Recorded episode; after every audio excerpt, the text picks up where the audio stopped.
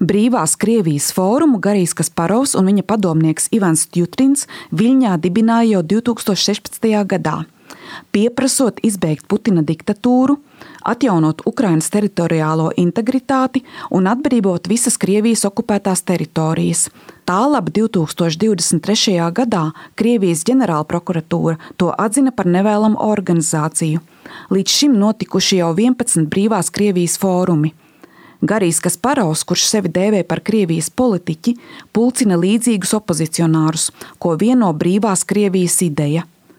Un kopš Ukrainas kara sākuma ir organizējis arī jau četras pretkara konferences.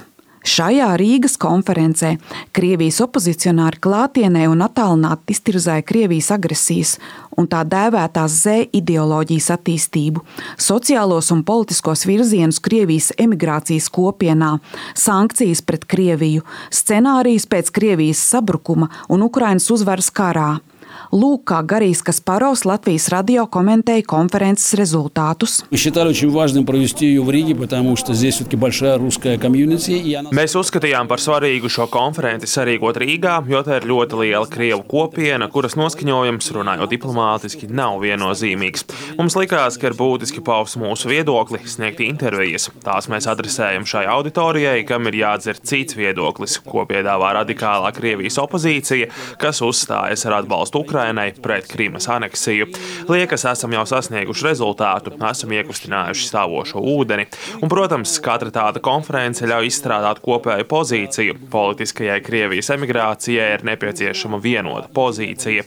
Šobrīd tās domstarpības, kas mums pašiem bija ar cilvēkiem, kuri negribēja atzīt Ukrainas suverenitāti Krimā, nebija pārliecināti par parlamentāras republikas nepieciešamību Krievijā. Šīs nesaskaņas gan jau ir pagātnē.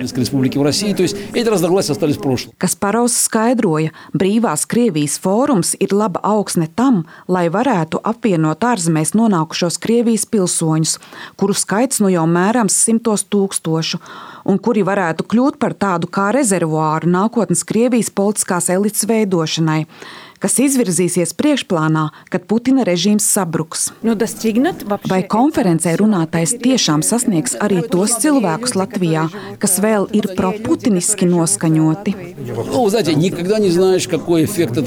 Ziniet, nekad nav saprotams, kāds būs efekts, bet kaut kas ir jādara. Šis ir tas gadījums, kad tu zini, vienā sekundē, vienā uzstāšanās dienā nevar pārvarēt to, kas ir veidojies gadiem, bet viņi arī ieklausās šajā pozīcijā, un normāli cilvēki saprot, ka tas, kas notiek Ukrainā, ir noziegums. Vismaz Latvijā mēs varam sabiedrisko domu par dažiem grādiem izkustināt pareizajā virzienā. Garīs Kasparovs solīja, ka konferences materiālus dažādos veidos izplatīs krievalodīgajā informācijas telpā. Diskusiju paneļos uzstājās arī Latvijas vēstnieks Krievijā Māris Rieksniņš un Eiroparlamenta deputāts Ivars Ījāps. Ieva Puķa, Latvijas radio.